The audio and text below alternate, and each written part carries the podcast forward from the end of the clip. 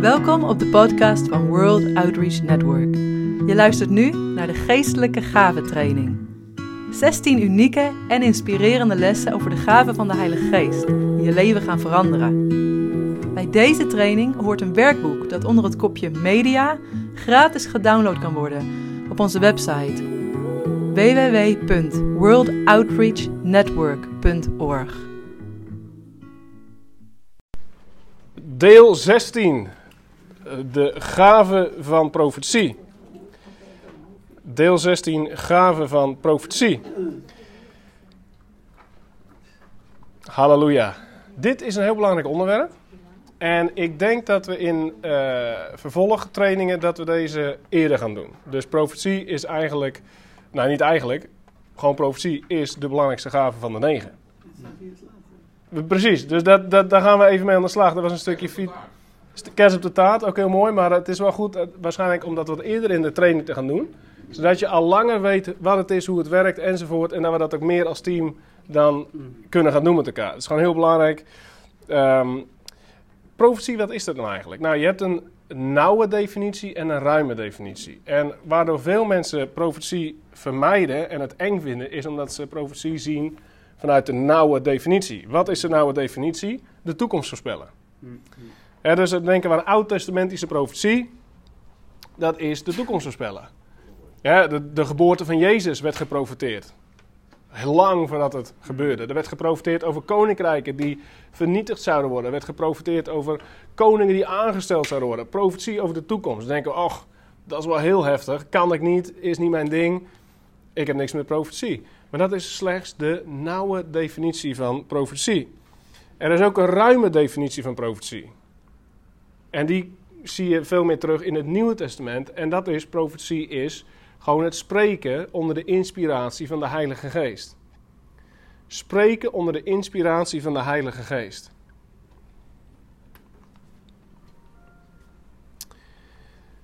God gaf ons de logos. Dat is het geschreven woord, de Bijbel.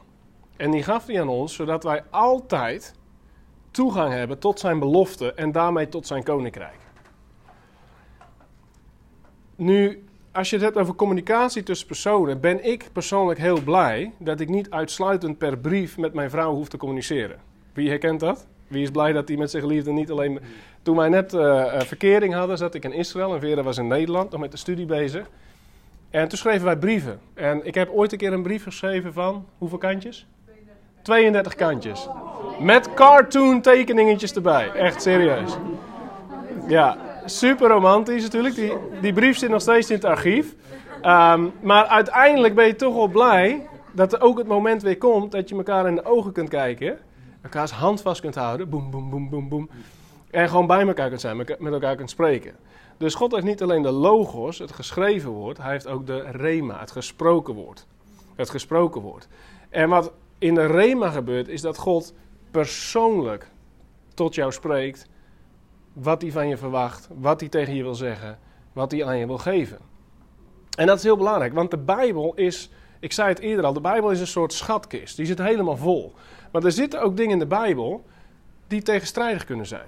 Nou bedoel ik niet dat de Bijbel zichzelf tegenspreekt, maar ik bedoel opdrachten of woorden die een andere, een tegenovergestelde uitwerking hebben in je leven. Ik geef even een voorbeeld. Jozua 1. Zeg God, wees moedig en sterk. Ga erop af, ik ben met je. Actie, actief. Psalm 131 zegt God. Ik ben als een gespeend kind bij zijn moeder. Ik lig helemaal in de rust bij God op schoot. Ik hoef niks, ik moet niks. Sommige mensen hebben Jozua 1 nodig. Die zijn ontmoedigd.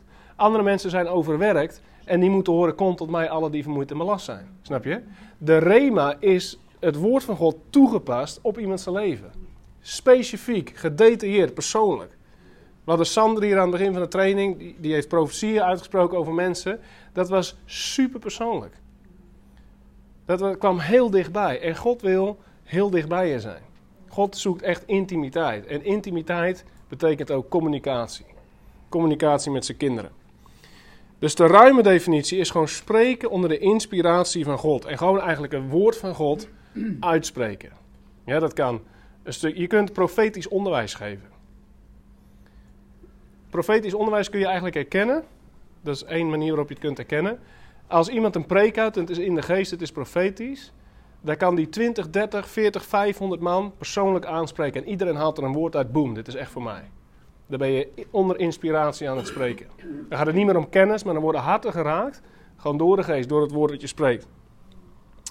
Uh, je kunt over mensen echt profiteren, als mensen een bemoedigend woord uh, meegeven. Dat kan over de toekomst gaan, maar dat kan ook gewoon zijn. Goh, wat ben jij toch goed hier en daarin? En die persoon had dat net nodig. Die moest net even horen dat God dat even dat klopje op de schouder gaf. Die bemoediging. Dus het hoeft niet altijd zo'n keiharde toekomstprofetie te zijn. Van volgend jaar om deze tijd zul je een vijfling hebben. Weet je? Hoeft niet. Het mag dus ook gewoon heel simpel. Het mag heel simpel gewoon dat woord van bemoediging zijn wat iemand op dat moment nodig heeft. Dus profetie. Nou, er zijn vier vormen van profetie. En die delen we zodat je je begrip kunt vergroten, dat je ook kunt gaan experimenteren daarmee, dat je kunt gaan oefenen van hey, welke vorm vind ik al makkelijk, welke vorm is misschien nog een uitdaging, wil ik wel in groeien. Um, niveau 1 zou je kunnen zeggen, nou, niveau is niet het goede woord. Uiting 1, dus beter om het zo te zeggen, uiting 1. Het spreken van opbouw, bemoediging en troost. Het spreken van opbouw, bemoediging en troost. Uit de Groot Nieuwsbijbel, 1 Korinthe 14 vers 3.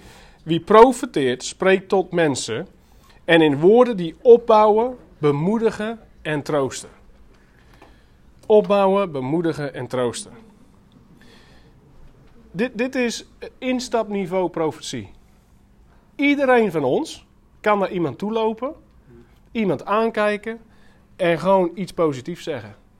Namens God. Bijvoorbeeld Cornelis, Cornelis, wat heb je een sterk geloof? Wat ben je toch een vuurvreter? Wat sta je toch altijd vooraan? Wat, wat ga je ervoor? Wat ben je een man als een boeg van een schip die gewoon door dat water heen breekt en baan maakt voor alles wat achter hem aankomt? Dat is gewoon een woord van bemoediging voor Cornelis. Kun je gewoon, je kunt naar iemand toe gaan en gewoon iemand kijken en zeggen: Goh, wat is nou krachtig aan jou? Wat is nou positief aan jou? Hoe kijkt God eigenlijk naar jou? Wat ziet God voor positieve dingen in iemand? Gewoon een woord van opbouw, bemoediging en troost. Heel belangrijk, weet je waarom? Onze vijand, een van zijn namen is de aanklager. Wat doet een aanklager? Die spreekt de hele dag woorden van negativiteit, van aanklacht. Het is mis, het gaat verkeerd, je kunt het niet, het lukt niet, je bent niet goed genoeg, enzovoort, enzovoort, enzovoort. Dat is zijn fulltime job. En met hem hebben we nog wel te worstelen hier op aarde. We zitten wel in een oorlog met hem en met al zijn handlangers. En ze werken allemaal op dezelfde manier. Allemaal met negativiteit, met ellende, met vloek. En door die gave van profetie gaat die stem van God klinken. Die zegt, nee, je kunt het. Je bent geaccepteerd, mijn geliefde. Ja, ik weet dat je fouten maakt. Maar ik kijk naar jou met liefde. Ik trek jou naar mijn hart. Krachtig, krachtig. Mensen hebben dat zo nodig. Een paar weken geleden was ik in een gemeente, sprak ik over de liefde van God. En dan denk je soms, ja, dat is zo'n simpel thema. Weet je, ik had het gewoon over het karakter van God. God is liefdevol, hij is vreugdevol, hij is vredig. Aan het einde van de dienst heb ik twee uur voor mensen gebeden. Er werd heel veel gehuild. Mensen hebben zo'n behoefte aan liefde. Mensen hebben zo'n behoefte en helaas kun je dat niet altijd krijgen in de kerk. Iemand, ik weet niet meer wie het zei net, die had het over dat er meer genade in de kerk moest komen. Volgens mij zei Vera het in, in haar praatje. Dat is echt belangrijk. Soms in de kerk zijn we zo bezig met, oh wat zegt de letter, wat zegt het woord. En gaan we elkaar erop afrekenen. En natuurlijk moeten we voor heiligheid gaan. En natuurlijk moeten we elkaar ook aanspreken als dingen verkeerd gaan. Maar ik geloof dat elk woord van correctie, er mogen wel minstens zeven woorden van bemoediging en liefde en acceptatie en, en positiviteit staan. Profetie is gewoon het hart van God, het positieve hart van God over mensen uitspreken. En misschien denk je, ja, maar ik weet niet hoe dat moet en ik weet niet waar ik moet beginnen. Weet je wat de allerkrachtigste profetie is die er is? en die iedereen uit kan spreken? Precies, je gaat naar iemand toe, je kijkt hem in de ogen en je zegt, God houdt van jou. Dat is 100% profetie. Je spreekt onder de inspiratie van God, je spreekt het woord van God. Het is een rema-woord voor die persoon. Ik ken levens van mensen, ik ken ze persoonlijk, mensen van dichtbij, die niet met God wandelen. Die gaan naar een gemeente toe, zitten erbij, zitten het aan te kijken. Er komt ineens iemand naar ze toe. Ik ken sowieso twee verhalen. Die zegt, hey, ik heb een woord van God voor je. Kijk ze aan en zeg, God houdt van jou. En dan denk je, hè, als een beetje gevorderde christen, denk je, ja, dat is zo makkelijk. Ik moet iets ingewikkelds hebben, weet je wel. Ik zie een lege straat. Zie een lege donkere straat en ik zie een licht dat schijnt uit een huizen. Nee joh, begin simpel. God houdt van jou. Dat is een krachtige profetie. Die is altijd waar, die is altijd accuraat en die komt altijd uit het hart van de Vader. Halleluja. Twee. Uh, spreken dus onder inspiratie van de Heilige Geest. Wat ik net ook al uitlegde. Um, even Joel 2 wordt hier aangehaald. In Handelingen 2 staat jullie uh, werkboek. Er zegt Joel, in het laatste dagen, zegt God, zal ik uitstorten van mijn geest op alle vlees. En uw zonen en uw dochters zullen profeteren, uw jonge mannen zullen visioenen zien en uw ouderen zullen dromen dromen. Nou, die dopende geest die vindt dus plaats, Handelingen 2, kennen het verhaal. En dan gaan ze op straat, gaan ze onder inspiratie van Gods geest, gaan ze het evangelie verkondigen, de grote werken van God. Ze zijn dus niet de toekomst aan het voorspellen. Petrus staat daar niet te voorspellen wat er in Jeruzalem gaat gebeuren 100 jaar na dat moment. Hij is aan het vertellen wat Jezus aan het kruis heeft gedaan. Joel noemt dat profeteren. Dus het verkondigen van Gods woord onder zijn zalving, geïnspireerd spreken, is ook een vorm van profetie. In de ruime definitie van het woord. Een ander voorbeeld hiervan, 2 Timotheus 3, vers 16 uit het boek. Daar staat alles in de boeken is door God geïnspireerd. En is nuttig om ons de waarheid te leren, ons te wijzen op wat er aan ons leven en geloof nog mankeert. Het zet ons leven op orde en helpt ons in te zien wat juist en goed is. Alles in het boek is door God geïnspireerd. Dan zie je dat dat woord van God is dat geïnspireerde woord van God. En dat verandert levens en dat brengt transformatie. Hey, een derde niveau, daar kom je dus echt bij wat veel mensen verstaan als profetie, dat is dus het voorspellen van de toekomst. Dat is dus een vorm van profetie. Dus dat je echt dingen weet over de toekomst. Dit gaat gebeuren. Dat zien we in het Nieuwe Testament ook nog gebeuren met de profeet Agabus. Hij voorspelde een hongersnood. Het boek Openbaringen, waar ik een citaat uit heb staan, wordt allemaal dingen geprofiteerd over de toekomst. Dat is dus binnen het spectrum van profetie is dat heel belangrijk en natuurlijk heel krachtig. De eerste keer dat ik Matthew Helland ontmoette, was bij een profetieconferentie. En Veer en ik deden de aanbidding bij die conferentie. En we hadden gezongen, we wilden lekker gaan zitten. Hij zegt, ho, ho, ho, ho, stop eens eventjes. Blijf eens even staan. Ik ga over jullie profiteren. Oké. En een van de dingen die hij profiteerde was... Jullie gaan heel Europa rondreizen en overal het evangelie verkondigen. Nou, ik keek hem aan. Ik dacht, van binnen dacht ik, nou, ik zie dat niet gebeuren. We hadden twee kinderen in die tijd. Uh, hoe ga je dat doen? Met twee kinderen door Europa rijden, kost bergen met geld. Uh, nu hebben we er vier inmiddels. Een tijd later, dat was ongeveer anderhalf jaar later, na dit moment, begon God tot ons te spreken.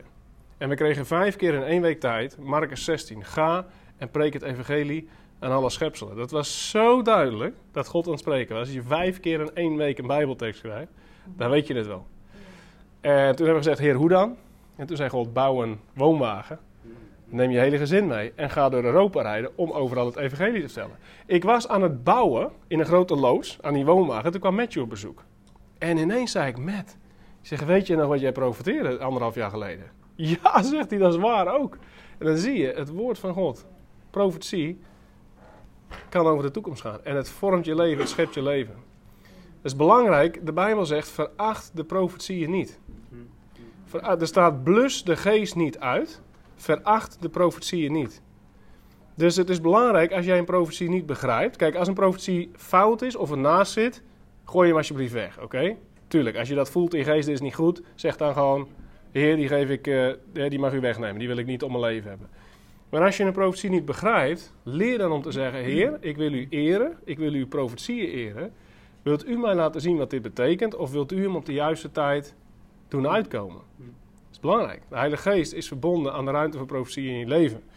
En dat kwam dus uit. En het is gebeurd, we hebben ja, anderhalf, twee jaar door Europa gereden. Toen zijn we uiteindelijk in Cyprus beland. En daar hebben we ook veel zendingswerk mogen doen de afgelopen 4,5 jaar. Um, vier. Een vorm van profetie is het doorgeven van een goddelijke waarschuwing. En ik vind het belangrijk om deze op te nemen, omdat in veel profetiemateriaal van deze tijd zit dit er niet meer bij. Dus er is wel een blik op profetie die zegt: profetie is alleen maar positiviteit. Profetie is alleen maar God houdt van je, hij wil je zegenen, hij heeft een groot plan, enzovoort, enzovoort. Maar we zien gewoon in het Nieuwe Testament dat dat al niet klopt. We zien dat nogmaals profeet Agabus, hij waarschuwde voor een hongersnood in de tijd van de vroege kerk, die kwam er. En hij waarschuwde Paulus dat hij gearresteerd zou worden en uitgeleverd zou worden aan de Romeinen. En dat is ook gebeurd. Dus toekomstprofetie hoeft niet altijd roze geur en maneschijn te zijn. Het is ook belangrijk dat we ons kanaal open houden. Als God een waarschuwend woord wil geven, dat we dat ook dan delen. Want dat doet God niet voor niks. Hè? Terug naar de kerk in Handelingen. Ik heb ze hier staan, die teksten. Handelingen 11, Handelingen 21. Die waarschuwing in Handelingen 11 voor die hongersnood, die was natuurlijk nodig. Als jij weet dat er een hongersnood gaat komen, dan kun je extra potten pindakaas kopen. Heel simpel. God wil dat zijn kinderen klaar zijn voor dingen die gaan komen. Daarom geeft hij profetie. Het hele boek Openbaringen is ons gegeven, zodat wij al weten wat er gaat komen, zodat wij er klaar voor zijn. En dat wij ons werk kunnen afmaken, de grote opdracht, in de tijd van vervolging enzovoort. Uh, handelingen 21. Agabus profeteert over Paulus. En Paulus die zegt: Oké, dus ik word gearresteerd, top, dan ga ik erheen. Die was er niet bang voor, dus hij gaat wel door, maar hij wist wel wat er ging komen. Dus Paulus had voorkennis van de wil van God, wat er zou gaan gebeuren in Jeruzalem. Nou, hoe moet je met profetie omgaan? Het volgende kopje heb ik genoemd: brand van verlangen naar profetie. We hebben nu vier weken nagedacht over de gaven van de geest. En we hebben jullie uitgedaagd op verschillende manieren om ermee aan de slag te gaan. Nou, nogmaals, deze laatste sessie hebben we het dus over de belangrijkste gaven van de negen: profetie. En dit is een heel goed punt ook om te beginnen. Weet je, bijvoorbeeld met genezing, of zeker met wonderen, of woorden van wijsheid, woorden van kennis, is er een vrij steile leercurve om in die gaven te komen. Maar profetie heeft eigenlijk een hele makkelijke ingang. En, en je kunt er ook heel ver in doorgroeien. Snap je wat ik bedoel? Het is een heel mooi gebied. Je kunt gewoon heel simpel beginnen met woorden van bemoediging. Als ik naar jou kijk, dan zie ik dit en dat in je leven. Maar je kunt er heel ver in doorgroeien. Je kunt over de toekomst gaan profiteren. Je kunt de mysteries van God gaan profiteren. Je kunt over bedieningen gaan profiteren. Over landen. Er zijn profeten ook vandaag de dag die profiteren over presidenten. En over regeringsleiders. Die hebben toegang tot, tot politici. En, en, en kunnen daar het woord van God delen wat God in een land wil doen. Dus wat zegt de Bijbel over ons hart richting profetie?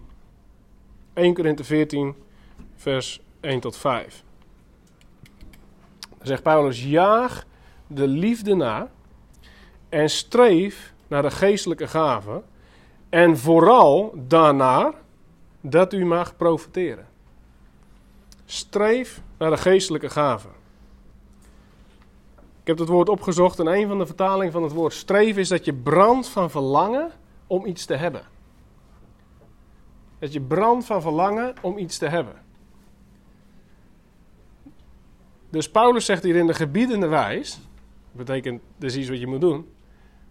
Streef naar de gave van profetie, dat u mag profeteren. Wie namelijk in een andere taal spreekt, spreekt niet tot mensen, maar tot God. Niemand begrijpt het, maar in zijn geest spreekt hij geheimenissen. Vers 3. Wie echter profeteert, spreekt tot mensen woorden van opbouw, vermaning en troost. Wie in een andere taal spreekt, bouwt zichzelf op. Maar wie profeteert, die bouwt de gemeente op. Ik zou wel willen, nou dan weten we inmiddels, er staat ik wil. Dus ik wil dat u allen in andere talen en tongen spreekt, maar vooral dat u profeteert. Vanochtend hebben we gezien hoe krachtig het is als wij die tongentaal ruimte geven. En dan zegt Paulus, hey, tongentaal is super gaaf, super effectief, maar ga vooral voor profetie. Ga vooral voor profeteren over andere mensen. Voor hoeveel gelovigen geldt dit woord? Voor allemaal. Dus profetie zit in de geopenbare wil voor ons allemaal. Dat is niet bij elke gave. Niet bij elke gave wordt er vermeld of vernoemd of benoemd dat het voor iedereen is, maar bij deze gave wel. Tongentaal, vertaling van tongen en profetie zitten in de geopenbaarde wil voor alle gelovigen. Als God zegt, jij moet iets doen, dan betekent dat dat je het ook kunt. Amen. Als God zegt, je moet iets doen, dan betekent dat ook dat hij denkt, dat hij ervan uitgaat dat jij het kunt. Dat is interessant. Dus God heeft misschien meer geloof in jouw profetische talenten dan jij zelf. Maar breng alsjeblieft je leven in lijn met Gods geloof en verwachting en niet met je eigen ervaringen.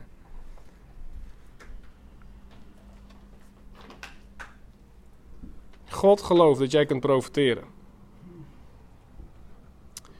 Nou, hoe ga je dat aanvliegen? Hoe begin je, hoe begin je in je loopbaan van profetie? Hoe, hoe ga je dat aanvliegen? Nou, kies er allereerst voor om van God te horen. Van God horen is een keuze. Van God horen is een keuze. Een van de dingen die wij zelf regelmatig doen is stil worden voor God en luisteren. Letterlijk heeft God wel eens tegen mij gezegd: Willem, je praat te veel en je luistert te weinig. Oh, sorry, heer. Luister naar God.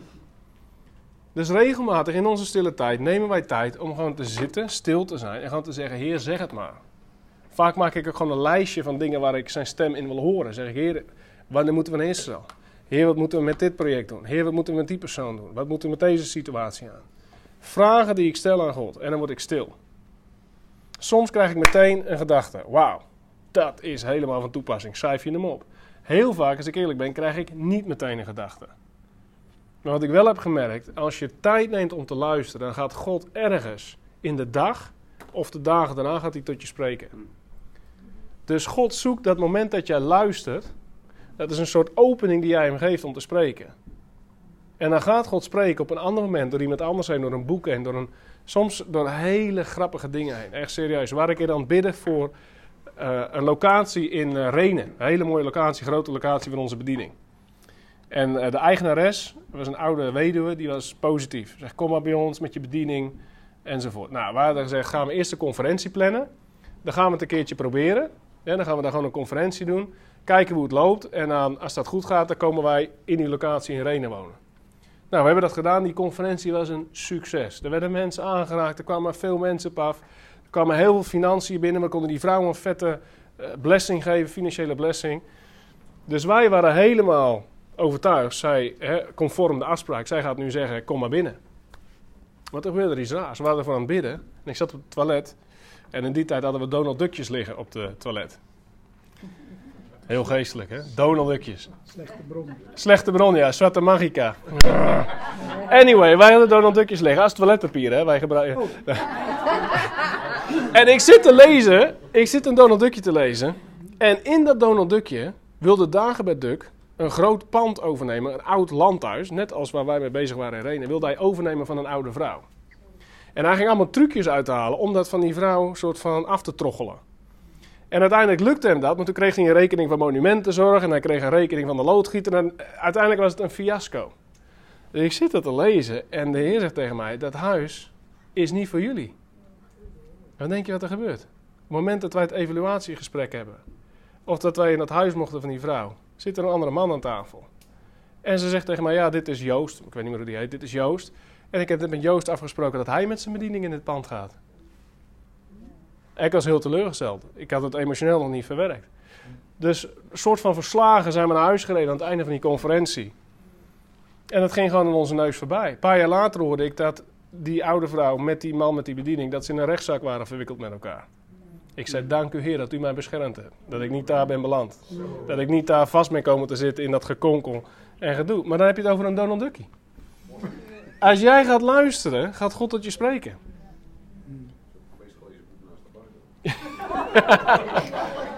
Daar ga je. Nou, ik ben blij dat het niet de Koran is. Daar ben ik wel blij om. Halleluja. Maar als jij gaat luisteren, kan God alles gebruiken. Mensen om je heen.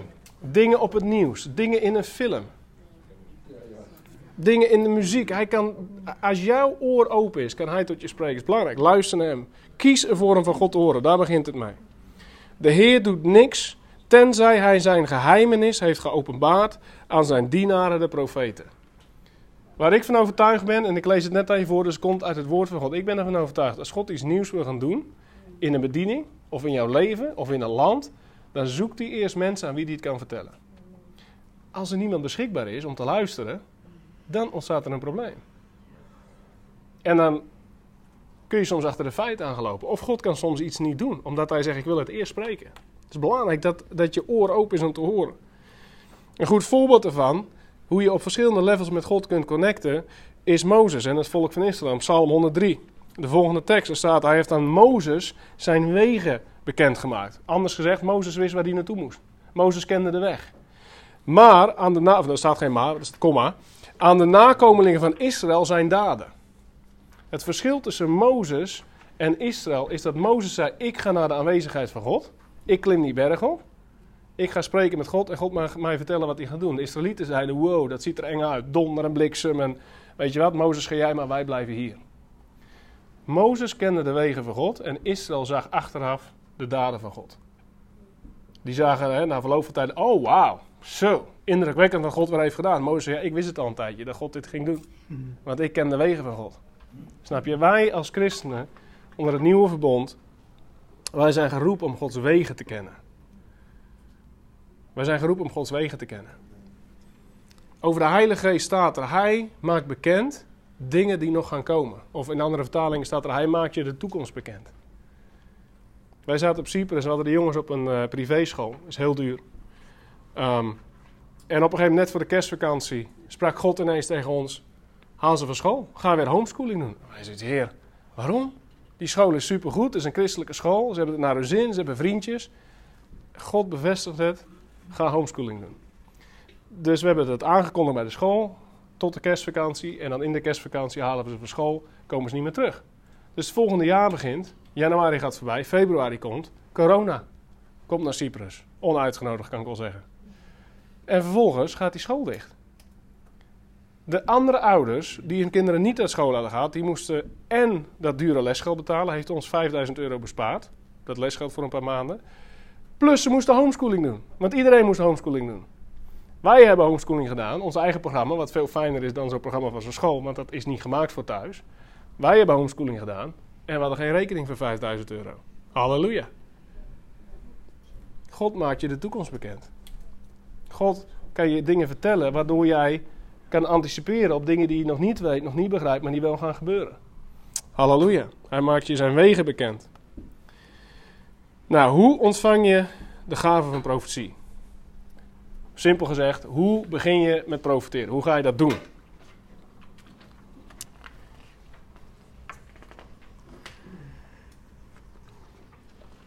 Om dat aan je uit te leggen wil ik eerst een tekst lezen uit 1 Korinther 2. En die tekst die gaat niet per se over profetie, maar die gaat over het volgende. Hoe kun je van God kennis ontvangen? Of hoe kun je woorden van God ontvangen? Want profetie begint natuurlijk allereerst met ontvangen van God. Het is, zeker als je gaat groeien in profetie, kijk, een woord van bemoediging kun je gewoon iemand kijken en zeggen wat je niemand ziet. En dat is oké. Dat is instap level. Maar als je op een gegeven moment wil groeien en doorbreken en je wilt echt mysteries en onbekende dingen gaan uitspreken over iemand, dan moet je dus leren om te horen van God. Moet je leren om te ontvangen van God. Nou, in het woord staat beschreven hoe je dat doet. 1 Korinther 2, vers 7 tot 14. Daar staat: Wij spreken echter de wijsheid van God als een geheimenis. Een mysterie, zeggen andere vertalingen. Een wijsheid die verborgen was en die God voor alle eeuwen voorbestemd heeft tot onze heerlijkheid. Een wijsheid die niemand van de leiders van deze wereld gekend heeft. Immers, als zij die gekend hadden, zouden zij de Heer der heerlijkheid niet gekruisigd hebben. Maar het is zoals geschreven staat, en nu komt er iets belangrijks.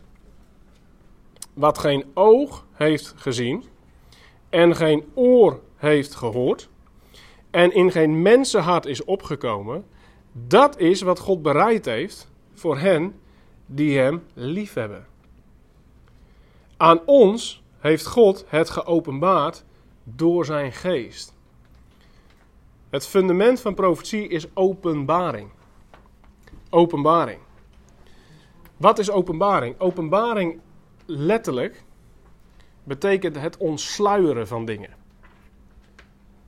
Het, het Griekse woord is apocalypso. daar kennen wij het woord eh, apocalyps zit daarin. Dat is de Griekse naam voor het boek Openbaringen. En openbaring is een ontsluiering. Nou, wat betekent dat? Stel dat hier een gordijn zou hangen. Dan sta ik achter dat gordijn. Ik ben er de hele tijd. Je kunt zelfs mijn stem horen, maar je kunt mij niet zien.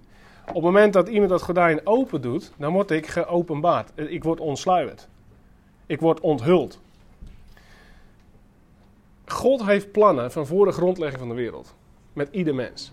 God had een plan met jou in de moederschoot. Jou, jou, jou, iedereen van ons. Zijn plannen. Op het moment dat wij gaan profiteren, dan begint het met het feit dat wij die openbaring van God gaan ontvangen. Openbaring is niet iets wat je ziet, zegt het woord hier. Geen oog heeft het gezien. Geen oor heeft het gehoord. En geen mensenhart heeft het bedacht. Dus openbaring is niet wat jij kunt horen, zien of bedenken. Openbaring komt uit een andere bron. Nou, hoe dan? Nou, dan gaan we verder kijken. Paulus legt dat allemaal uit hier. Waar komt die openbaring vandaan? Gaan we verder.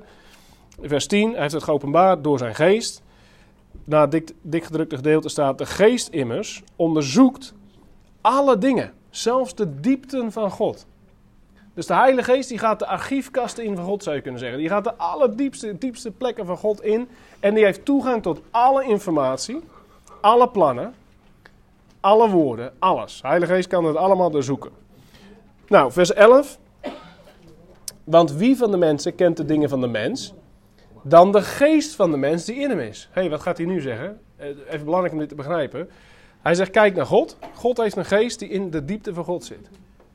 Dan kijkt hij naar de mens en dan zegt hij: hé, hey, de mens heeft ook zo'n geest. Het is heel belangrijk om dit te begrijpen. Dus God heeft een geest in zich. Wij hebben een geest in, in ons. Dan gaat hij verder. Um, niemand kent de dingen van God dan de geest van God. Hey, dus je hebt een geest in de mens en een geest in ons. Vers 12. En wij hebben niet ontvangen de geest van de wereld, maar de geest die uit God is, opdat wij zouden weten de dingen die God ons, die onze Godgenade geschonken zijn. Hier, hier zit een sleutel in. Je leest er makkelijk overheen. Maar dit is hoe openbaring werkt. Gods geest komt uit de diepte van God in jouw geest, die in jouw diepte zit. En die plant daar gewoon kennis. Dus je weet gewoon ineens dingen. Dus heel vaak werkt profetie zo. Dat je gewoon een gedachte krijgt in je hoofd. Die van God is. In Korinthe zegt Paulus. Zij die de Heer aanhangen, zijn één van geest met hem. Dus je wordt een, een nieuwe geest samen met Gods geest op het moment dat je wedergeboren wordt. En die geest ontvangt de dingen van God. Weet je wat, het moeilijke, ja, wat de uitdaging, het moeilijke aan profetie is? Is dat het eigenlijk zo natural is en zo normaal. Dus je bent gewoon voor iemand aan het bidden. En je krijgt gewoon gedachten. En die zijn dan gewoon van God. Maar ze klinken gewoon als jouw eigen gedachten. Omdat ze in je geest zijn binnengekomen. En ze zijn vertaald naar je verstand. Dus je weet het ineens. Je weet ineens wat God wil zeggen over iemand. Uh, ik was in Roemenië bij een profetieconferentie en we hadden mensen daar getraind, maar die waren echt helemaal niet eraan gewend. Die waren echt totaal bleuzen, maar helemaal geen ervaring met profetie. En die gingen dus heel hard zitten steunen op hele ingewikkelde dingen. En, en, misschien merk je dat bij jezelf ook wel eens een beetje. Als je dan gaat profiteren over iemand, of je probeert een woord van God door te geven, dat je een beetje. Je gaat een beetje praten alsof je in Lord of the Rings uh, speelt, weet je wel? Alsof je een soort. Bijzondere taal en beelden van uh, de Heere zegt en met, met wollig taal allerlei. Dat is eigenlijk al, dat zit je er eigenlijk al naast. Want profetie komt door de geest van God in jouw geest. Die legt gewoon gedachten in jou en die klinken gewoon als jij. En dus wat is profetie eigenlijk? Dat is het oppikken van de informatie van de geest in jouw binnenste. Het vertalen, zeg maar, interpreteren naar begrijpelijke woorden en het dan uitspreken. Ik heb wel eens dat ik bid voor mensen en dat ik gewoon in mijn geest al iets voel borrelen, maar dat ik nog niet de woorden erbij weet. Ken je dat gevoel? Dan weet je gewoon, God wil nu iets doen. God wil nu iets aan jou geven. Ik voel het komen, het is positief, het is groot, het heeft met je toekomst te maken. Maar het is gewoon nog niet hier geland. Het zit alleen maar hier. En dan heb je even die tijd nodig om te vertalen. Heer, wat is het nou precies? Wat, en dan vaak komt er een beeld bij of een bijbeltekst en dan kun je het op geen plaats. Het gaat over dit. Het heeft te maken met dat. Ik zie je in de toekomst zus. En dan geef je de woorden aan. Dus maak nou niet de denkfout als je het hebt over profetie, om te gaan zitten wachten op een soort hele bijzondere externe ervaring. Alsof je een soort stem zou horen of een soort overdonderende sensatie van binnen zou krijgen die je dan met andere mensen moet delen. Het begint vaak gewoon heel simpel met een klein stemmetje in jouw binnenste, stem van de Heilige Geest. We kennen het verhaal van Elia. Hij was op de berg Karmel. Hij had een grote opwekking. De mensen riepen: De Heer is God, de Heer is God. Daarna zei Jezebel: Ik ben er niet zo blij mee. Ga je doodmaken. Elia werd heel bang. Hij rende de woestijn in. En er was er een aardbeving, er was een tornado, er was, uh, was uh, vuur. En uiteindelijk werd het stil. En toen sprak God tot hem. Met een hele stille, kleine stem. En de uitdaging van profetie is dat je in een groep eigenlijk moet kunnen zijn, in een gemeente of in een groep zoals hier. En dat je heel veel sociale prikkels tot je krijgt. Mensen zeggen dingen tegen je, je ziet ogen, je ziet hoe mensen kijken, hoe mensen zich voelen. Je neemt allerlei dingen waar. En dat je dan toch in die, nou ja, onrust soms, leert om die stille stem van de Heilige Geest eruit te pakken. Daar kun je jezelf in trainen. Daar kun je jezelf in oefenen. Hoe doe je dat? Gewoon door het te doen. Dus je leert steeds beter om die stille stem van de Heilige Geest eruit te vissen. Dit is hem. Dit is die stem van God. En die ga ik over iemand uitspreken. Nou, dat doe je in drie stappen. Drie stappen. Allereerst is dus die openbaring. Die openbaring. Psalm 42, vers 7 in het Engels zegt: Deep calls unto deep. Misschien heb je dat wel eens een lied gehoord of zo. Deep calls unto deep. In het Nederlands is het wegvertaald. Um, deep calls unto deep. Daar, daar heb je dat principe, dat die diepte van de geest van God, die communiceert met jouw geest van binnen. En dus de kwaliteit van jullie geestelijke eenheid tussen jou en de Heilige Geest is bepalend voor de mate waarin jij makkelijk kunt profiteren. Dus investeer in tijd met de Heilige Geest. Psalm 42, vers 7. Deep calls into deep staat er in het Engels. Dus profiteren begint met een goede relatie met de Heilige Geest. Heel simpel. Goede relatie met de Heilige Geest. En dan vervolgens zijn er vier dingetjes die je kunt doen om, om zo'n openbaring te krijgen. Dus allereerst, neem tijd. Neem tijd om te ontvangen. Waar ik het net over had. Als je aan het begin van de dag luistert, dan zie je dat in de loop van de dag God tot je begint te spreken. Dat dingen op zijn plek beginnen te vallen. Neem tijd. Twee, ruimte. Kies een plaats en een houding om met de Heilige Geest samen te zijn. Jezus praat over de binnenkamer in het Evangelie. Hij zegt dat is belangrijk, die plek moet je hebben. Je moet een binnenkamer hebben. Dat betekent een plek waar je je af kunt sluiten, waar je helemaal alleen kunt zijn met God. Waar alle prikkels en alle signalen wegvallen, waar je jezelf helpt om te ontvangen van Hem. Dus tijd, twee was ruimte, drie is stilte. Sluit andere stemmen en prikkels af. Tijd, ruimte, stilte en vier aandacht. Richt je aandacht op de stille, zachte stem van de Heilige Geest. En als je dat gaat doen, als je daar, zeker als je daar een gewoonte van maakt, om te luisteren naar de Heilige Geest, dan ga je gedachten krijgen, dan ga je woorden van de Heilige Geest krijgen. Dan ga je indrukken krijgen. Dan kom je bij de volgende stap, wat ga je daarmee doen? Dat is interpretatie interpretatie. Je kunt bijvoorbeeld beelden krijgen, of dromen, of inderdaad visioenen, of verhalen, herinneringen, eh, gevoelens in je lichaam, fysieke prikkels, die iets spreken over bijvoorbeeld eh, wat iemand anders eh, heeft. Een tijdje geleden waren we in Bunschoten in de gemeente Siska, waar, waar Siska ook in de, in de zit, oudste raad zit. Um, en net voordat ik ging preken, kreeg ik een raar gevoel in mijn nek. Ik denk, huh? Heb ik eigenlijk nooit. Ik, ik heb geen nekpijn, ik ben hartstikke gezond, halleluja. Dus ik zeg, hé, wat is dit? En de heer zegt, er is iemand in de zaal met nekpijn. Dus hè, ik leg er net uit, ik probeer niet meer mijn woord af te draaien, maar ik wil eerst de geest en dan de letter in die volgorde.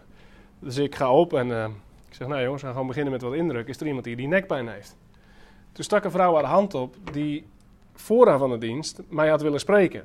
Maar net toen zij haar verhaal wilde beginnen, zei de leidinggevende van de dienst, we gaan beginnen jongens, hier heb zijn plek. Dus we zeiden tegen elkaar, komt zo wel, komt zo wel. Dus ik ga op mijn plek, plek zitten, zij gaat op mijn plek zitten. En uiteindelijk kom ik, naar voren om te preken en ik kom gelijk met die indruk. Ze zegt, ja, dat ben ik. En ik wilde je net gebed vragen voor mijn nek.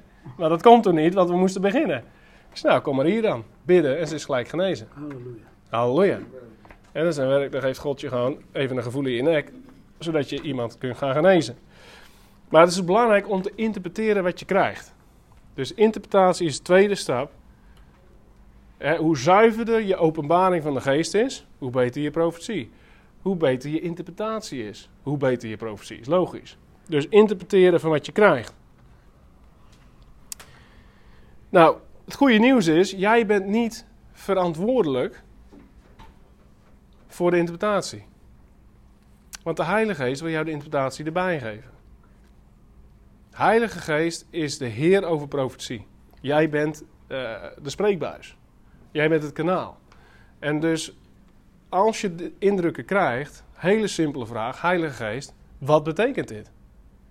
Vera droomt veel.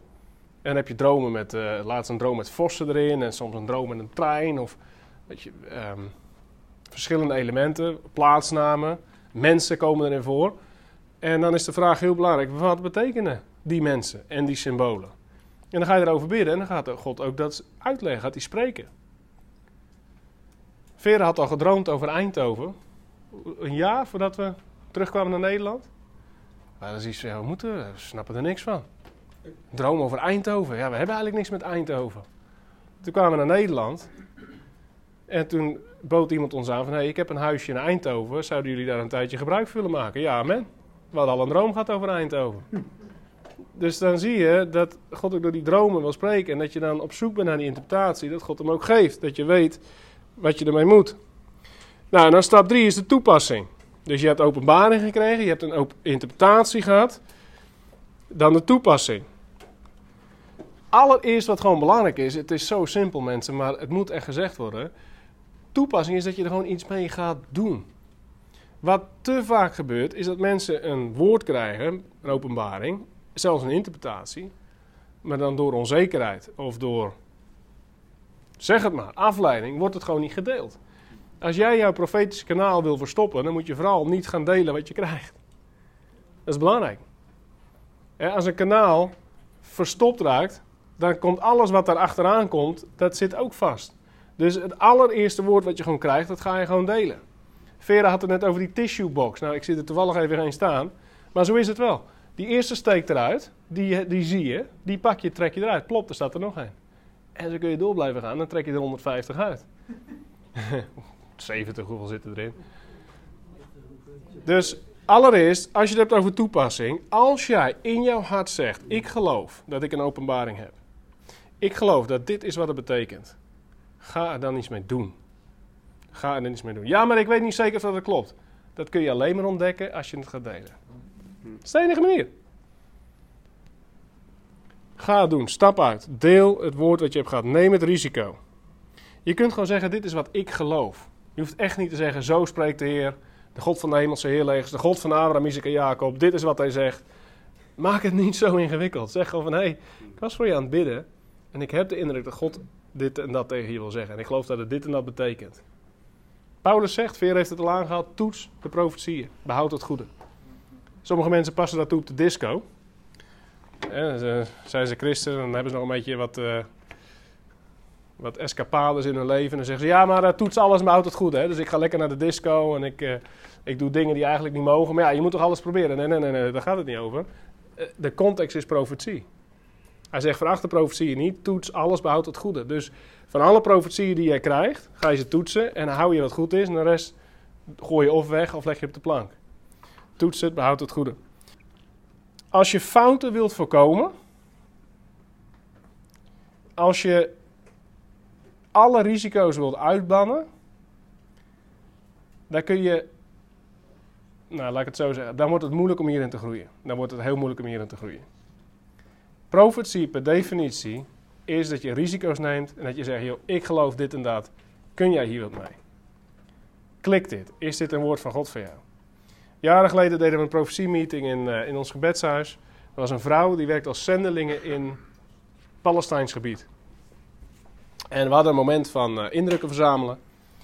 En de Heer geeft mij een heel raar woord voor die vrouw. Ik kreeg een woord uit Hooglied, een van de laatste hoofdstukken, waar dan de broers van eh, de bruid zeggen: Ons zusje is als een ommuurde tuin. En even in mijn woorden, wij zijn eh, de poort in die muur om haar te beschermen. Ken je, ken je dat vers? Iets in die, in die trant? Ik zeg, Heer, wat is dit nou weer voor vers? En God zei: Dit is wat het betekent. Zij heeft iemand achter haar aan zitten in dat. In eh, Bethlehem wonen ze. Iemand achter haar aan zit in Bethlehem, een Arabische man, die heel opdringerig is en die eh, niet van plan is om op te geven. En als ze er niet wat aan doet, dan gaat hij straks te ver. En die broers uit dat vers, dat zijn de leiders van de lokale gemeente. Zij moeten leiders van die lokale gemeente erbij vragen. Die moeten hem vermanen. En dat moet stoppen met behulp van die broers. Ik zie ja hoor, heer. Ik wist niks van haar. Hè? Alleen dat ze zendeling was in, in dat gebied. Maar goed, je hebt de openbaring, je hebt de interpretatie. Dan ga je erheen en dan ga je het gewoon delen. En dan ga je het gewoon checken. Dus ik ga naartoe. Ik zei, moet luisteren. Ik krijg uh, hooglied zo en zo. Um, en dit is wat ik geloof wat de Heer zegt. En zij krijgt tranen in de ogen en zegt, dit klopt helemaal. Er zit daar een man achter mij aan. Ik weet niet wat ik ermee moet. Uh, ik ben in een vreemde cultuur. Ik wil geen ruzie maken, maar ik voel me niet veilig. Wat moet ik hiermee? Dankjewel. Dus zij gaat terug. Uiteindelijk na de zomer vloog ze terug naar Bethlehem. Ze gaat naar die leiders toe. Ze betrekt er een paar pastors bij. Zij spreken met die man. En het stopt. Opgelost. Wauw. Gewoon een simpel woord van profetie. De andere keer waren we een profetiemeeting bezig. En ik zag uh, een auto-ongeluk. En ik zag mensen echt uh, huilen en, en, emotioneel geraakt zijn doordat hun auto kapot was. Dus ik kom naar voren en ik deel dat. En zat een groep van 30 man, denk ik. En iedereen, nee, nee, nee, ken, nee ken ik niet. Is niet voor ons. Later in de meeting komt er een gezin binnen, gaan op de achterste rij zitten. En de Heilige Geest zegt weer, deel dat woord nog een keer. Ik zei, oh ja, daar gaan we weer. ik, heb net, ik heb net al hier uh, in mijn zwembroek gestaan. Dus ik ga weer naar voren. Ik zei, ja jongens, ik had net eens een indruk. En ik deel dat, dat woord. En dat meisje van dat gezin begint te huilen. En die familie is helemaal emotioneel. Wat blijkt nou? Ze waren onderweg naar Zweden met hun auto. En op de snelweg naar Zweden vliegt die auto in de fik. Gewoon in de fik. Ze konden nog net uit die auto ontsnappen. Dat hele ding brandt af. Al hun spullen. En die vakantie natuurlijk geannuleerd. En ze zaten, we zaten toen te betteld. En ze kwamen nu op de betteld even een soort van troostvakantie doen. En ze waren behoorlijk nou ja, emotioneel getraumatiseerd. En God geeft daar een woord over. Gewoon die mensen te bemoedigen. Ik heb dat gezien, ik ben erbij. Je ontdekt alleen maar of dat het klopt als je het gaat uitspreken. Als je het risico neemt om je mond open te doen. Te zeggen, dit is wat ik geloof wat God geeft. Amen. Amen. Bedankt voor het luisteren naar deze podcast. We moedigen je aan om het geleerde meteen in de praktijk te brengen en te delen met anderen. Ben je gezegend door het Bijbelonderwijs van World Outreach Network en wil je ons helpen om Gods woord ver en wijd te proclameren? Word dan financieel partner door het online donatieformulier in te vullen onder het kopje Project Wereld op onze website www.worldoutreachnetwork.org.